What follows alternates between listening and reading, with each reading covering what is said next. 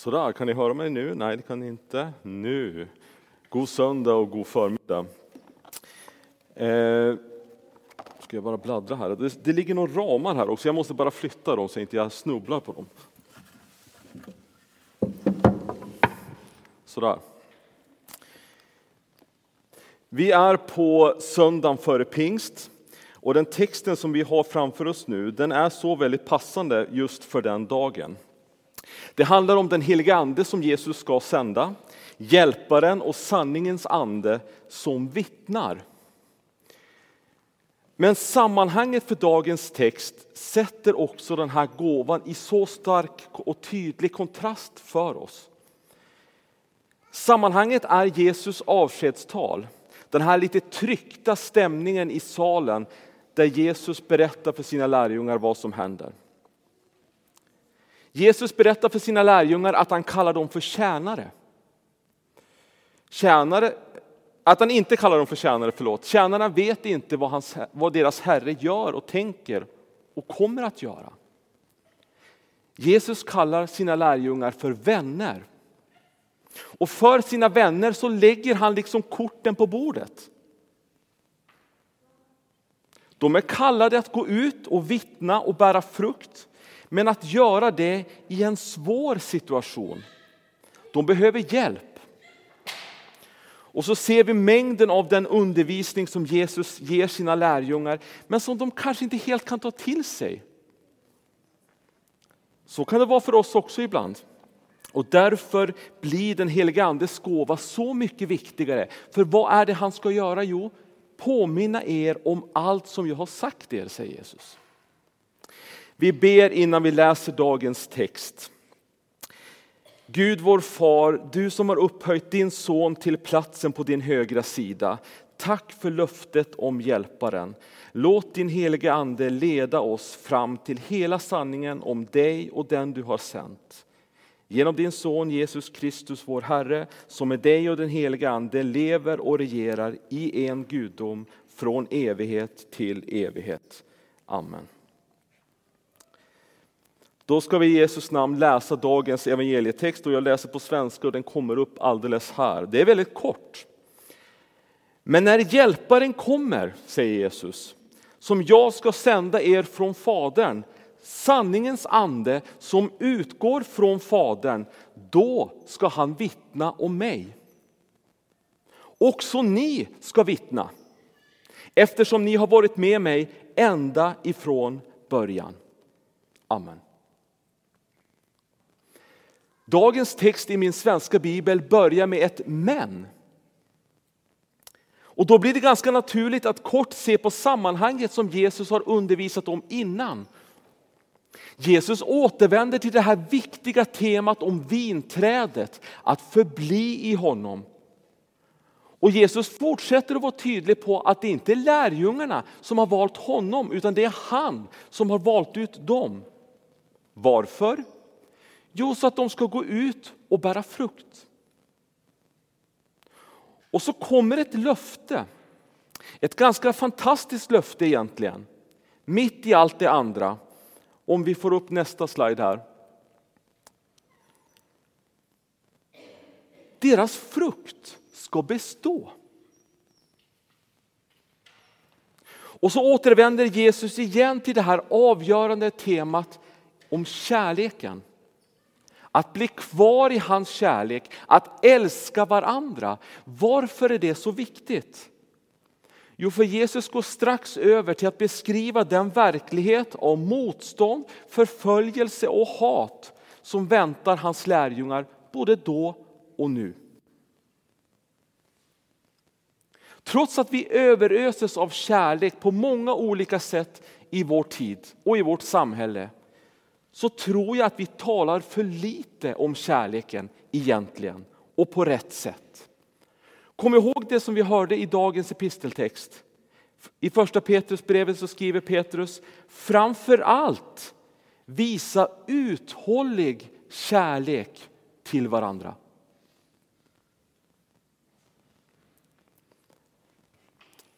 Vi kan ta nästa. Jag har många gånger fått frågan varför? Och jag har ställt mig den själv också många gånger faktiskt. Varför är det så här? Varför är samhället, och det är ofta det man menar, det där ute, så mot kristna och mot kristendom? Det kan vara en slags nostalgia, att man tänker tillbaka på en tid där bönhusen, alltså bedehus och kyrka var en helt annan maktfaktor i det norska samhället.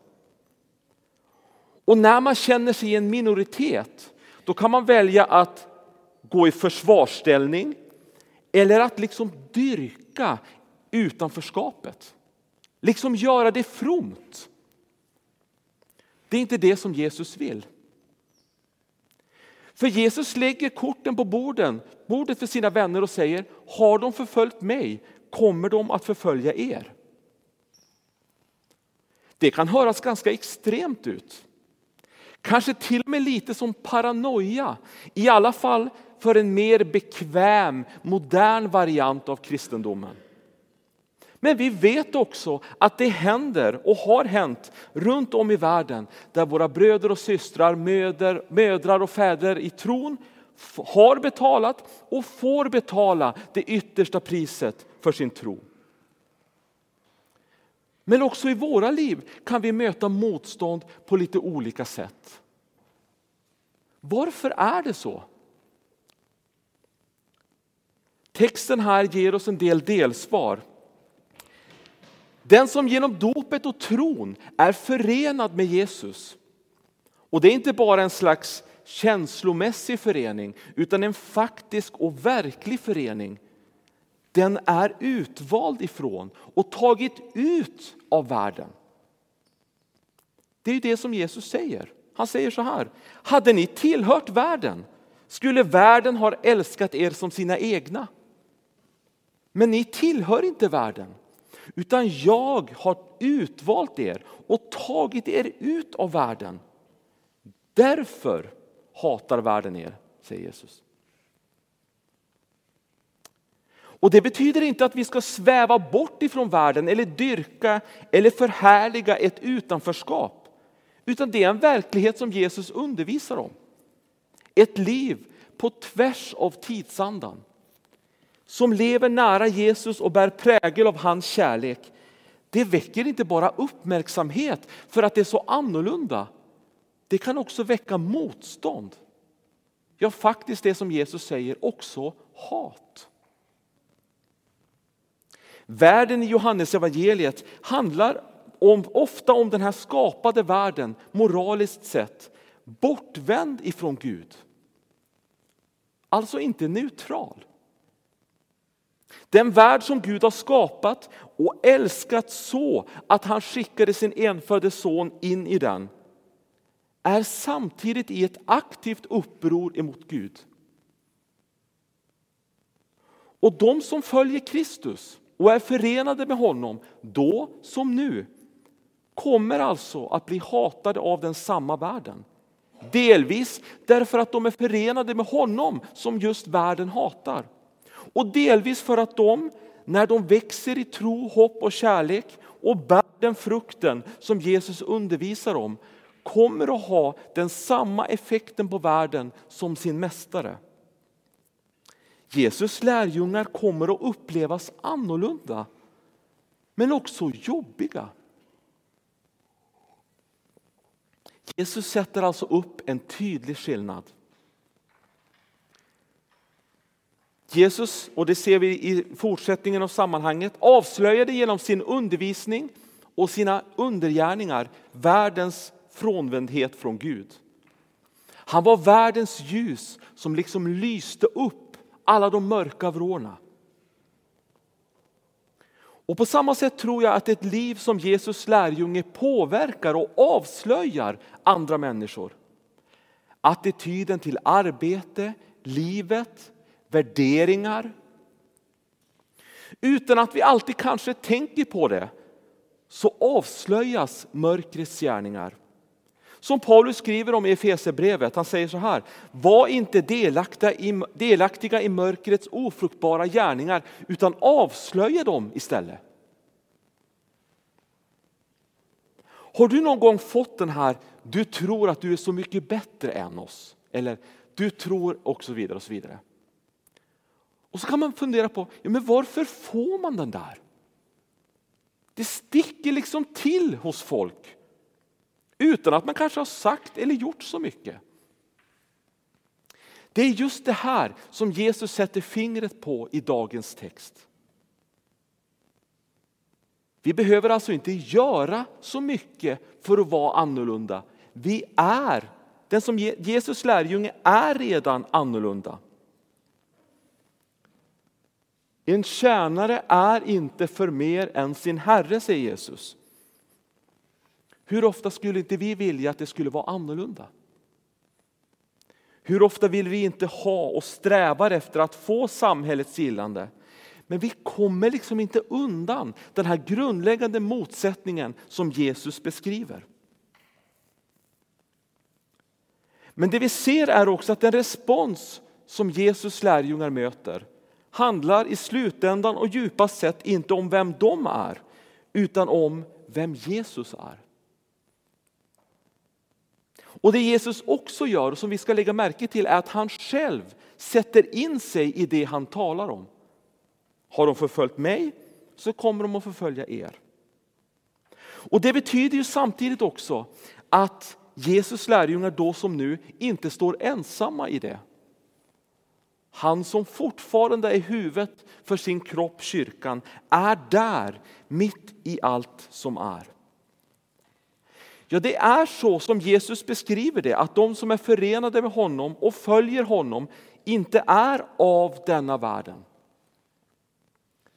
På samma sätt som Jesus eget rike är det för världen, skickad till den som Jesus var. Han som kom för att vittna om Guds kärlek och vinna seger.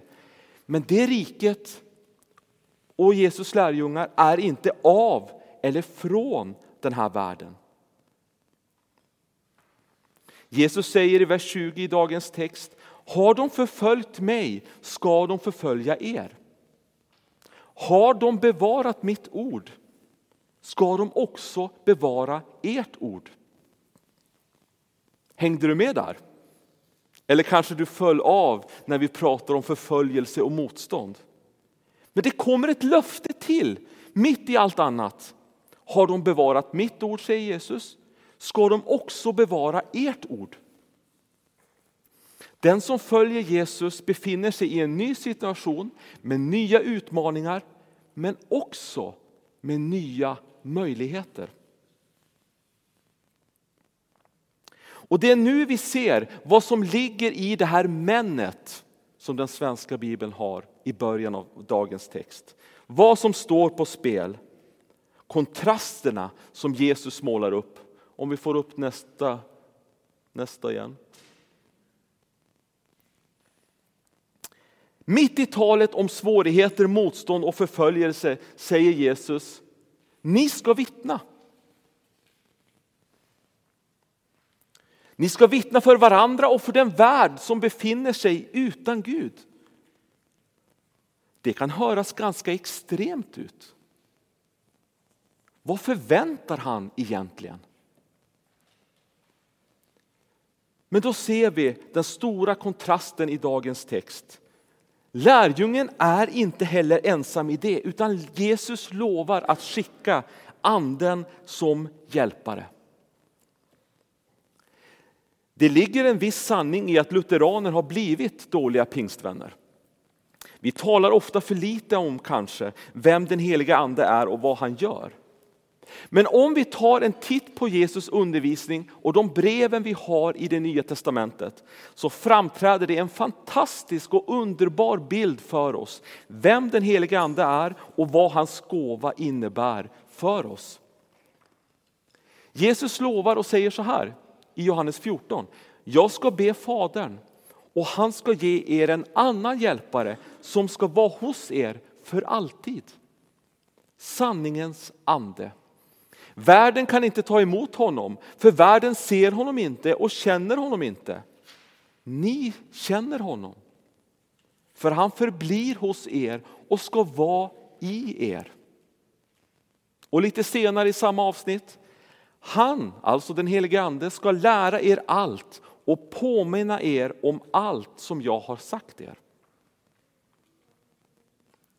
Är det inte precis det vi behöver? Nu när vi har fått den här reality checken av Jesus. Jesus vet vad vi behöver och han ger det. Eller tänk på Paulus när han beskriver andens hjälp i bönen. Han skriver så här, så hjälper också anden oss i vår svaghet. Vi vet inte vad vi borde be om, men anden själv vädjar för oss med suckar utan ord. Och han som utforskar hjärtan, alltså Gud, vet vad anden menar eftersom anden vädjar för de heliga så som Gud vill. Eller vi kan tänka på förklaringen till den tredje trosartikeln i katekesen. Som pedagogiskt lägger ut andens gärning för oss. Luther skriver så här, jag tror att jag inte av mitt eget förnuft eller kraft kan tro på Jesus Kristus min Herre eller komma till honom. Utan den helige ande har kallat mig genom evangelium, upplyst mig med sina gåvor, helgat och bevarat mig i en rätt tro, så som han kallar, församlar, upplyser och helgar hela kristenheten på jorden och bevarar henne hos Jesus Kristus i den enda rätta tron. Det här är verkligen inte småsaker och visar andens gärning på ett bredare sätt. Inte bara mig, inte bara dig, utan hela kristenheten på jorden. Det är ingen liten gåva, det är ingen statisk gåva. Det är en dynamisk verklighet, en gåva som verkligen är och gör en helt avgörande skillnad mitt i allt som är runt oss. Vi ska vittna, vi är kallade till att vittna, men vi står inte ensamma. Vi får gå med den helige Andes kraft och genom hans vittnesbörd. Där ligger nyckeln. Och lägg märke till vem som vittnar först. Anden kommer, sanningens ande, då ska han vittna om mig, säger Jesus. Också ni ska vittna. Framgången i vårt vittnesbörd beror alltså på att vårt och den heliga andes vittnesbörd om Jesus är överens. Och det Jesus gör är att han knyter andens gåva så tydligt till sig själv. Ja, för det är inte oss själva vi ska vittna om eller framhäva, utan honom som vi genom tron är förenade med. Anden vittnar, också vi ska vittna. Och så ser vi hur den här gåvan liksom inte får stoppa med oss. Gåvan har den här utåtriktade funktionen. Och det är ju det helt motsatta av att dra sig undan. Anden vittnar om Jesus, också vi ska vittna för varandra och vidare ut. Vi ska vittna om vem Jesus är och vad han har gjort. Det har alltid mött motstånd och kommer att fortsätta göra det. Men löftena och gåvan ligger där mitt i allt. Världen gillar det kanske inte, men frukten av det, om vi förblir i honom som den sanna vinstocken, i hans ord och i hans kärlek, den frukten ska bestå. Löftet är också att det mitt i allt finns de som tar vara på det ordet som vi vittnar. Det vittnesbördet har kraft. Inte av oss själva, utan genom anden som vittnar i och genom oss. Och Jesus har tidigare undervisat och sagt, när man ställer er till svars för, inför synagoger och myndigheter och makthavare, var då inte oroliga för hur ni ska försvara er eller vad ni ska säga. Den helige ande kommer i den stunden att lära er vad ni ska säga. Nu kan vi gå till Haggai-texten. Den text som vi hörde innan och profeten Haggais bok generellt är ju en pärla i det gamla testamentet där vi får en slags ögonblicksbild in i några månader av Israels historia. Judarna hade återvänt ifrån exilen för att bygga upp Herrens tempel i Jerusalem. Och jag tycker att det här avsnittet ger ett bra exempel på Jesus undervisning i dagens text. I många år hade arbetet legat nere av olika skäl. Och så kommer profeten Haggai och bär fram budskap ifrån Herren och bygget kommer igång. Och när folket är samlade i Jerusalem till skördefest så ser de på det de hade byggt. Några av de äldre minns tillbaka, med inte så lite nostalgi kanske, på det gamla templet. Hur fint det var, hur stort det var. Och så såg man på det som de hade byggt nu. Och så tänker man, ah, vad är det här? Och så kommer Haggais besked ifrån Gud och så sätter det fokus på just det här. Vilka är kvar bland er som har sett detta hus i dess forna härlighet, alltså det förra templet? Hur tycker ni att det ser ut nu? Är det inte som ingenting i era ögon? Jag tycker det är fantastiskt. Guds budskap kommer att sätta finger precis på hur de äldre som hade sett det gamla templet känner det. Men det vänder samtidigt blicken utåt och framåt. Man hade jobbat, man hade gått på Guds ord och löften, men det såg så lite och obetydligt ut kanske gentemot hur det hade sett ut förr. Men nu var det en ny situation. De behövde påminnas om löftena, förbundet och Guds närvaro, nu som förr. Precis det som de äldre kunde vittna för de yngre om.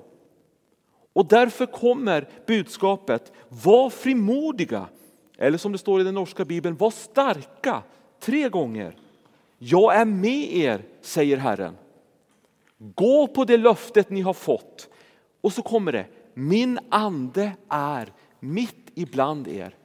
Var inte rädda. Kanske känner du igen dig. Det kan vara svårt. Det kan kännas lite obetydligt ut det vi gör. Du kanske tänker att det var bättre förr. Jesus säger, men hjälparen, den helige ande som Fadern ska sända i mitt namn, han ska lära er allt och påminna er om vad jag har sagt er. Frid lämnar jag åt er, min frid ger jag er. Jag ger er inte det som världen ger. Låt inte era hjärtan oroas och tappa inte modet. Löftet om Guds närvaro, hans andes ledning ger verklig grund för frimodighet, förhoppning och förväntan, då som nu.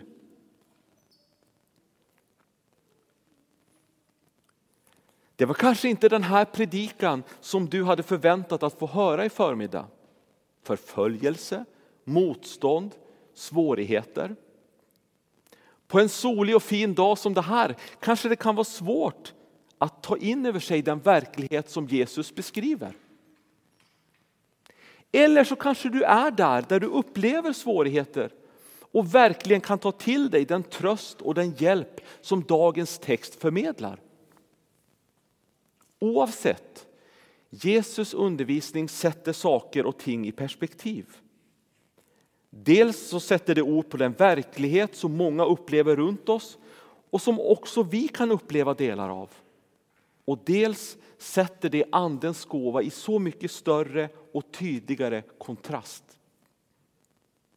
Dagens evangelium målar alltså en bild av, en fantastisk bild av den treene Gudens gärning för oss och med oss. Jesus är den som har kallat, räddat och valt ut. Det är han som har gjort det, inte du. Du som är förenad med honom, han är nära genom allt. Gud är också helt nära, ja i dig, genom den ande som han har gett. Han är hjälparen. Du kan frimodigt vittna om Jesus i den heliga andes kraft och med hans hjälp. Kan motstånd föda frimodighet? Inte av sig själv. Men tack vare löftet och verkligheten av den heliga Andes gåva kan vi och är vi kallade till att vittna mitt i allt som är. Det är själva motsatsen av, att, av nostalgia eller att dyrka ett utanförskap. Det är förväntan och tilltro till Gud, hans hjälp och andens gåva som bär kyrkan, dig och mig och vårt vittnesbörd mitt i allt som kan möta oss. Amen. Vi ber. Lovad vare Gud och välsignad i evighet som med sitt ord tröstar, lär, förmanar och varnar oss. Helige Ande, skriv ordet i våra hjärtan så vi inte blir glömska hörare utan varje dag växer till i tro, hopp, kärlek och tålamod intill tidens slut och så bli evigt saliga genom Jesus Kristus, vår Herre. Amen.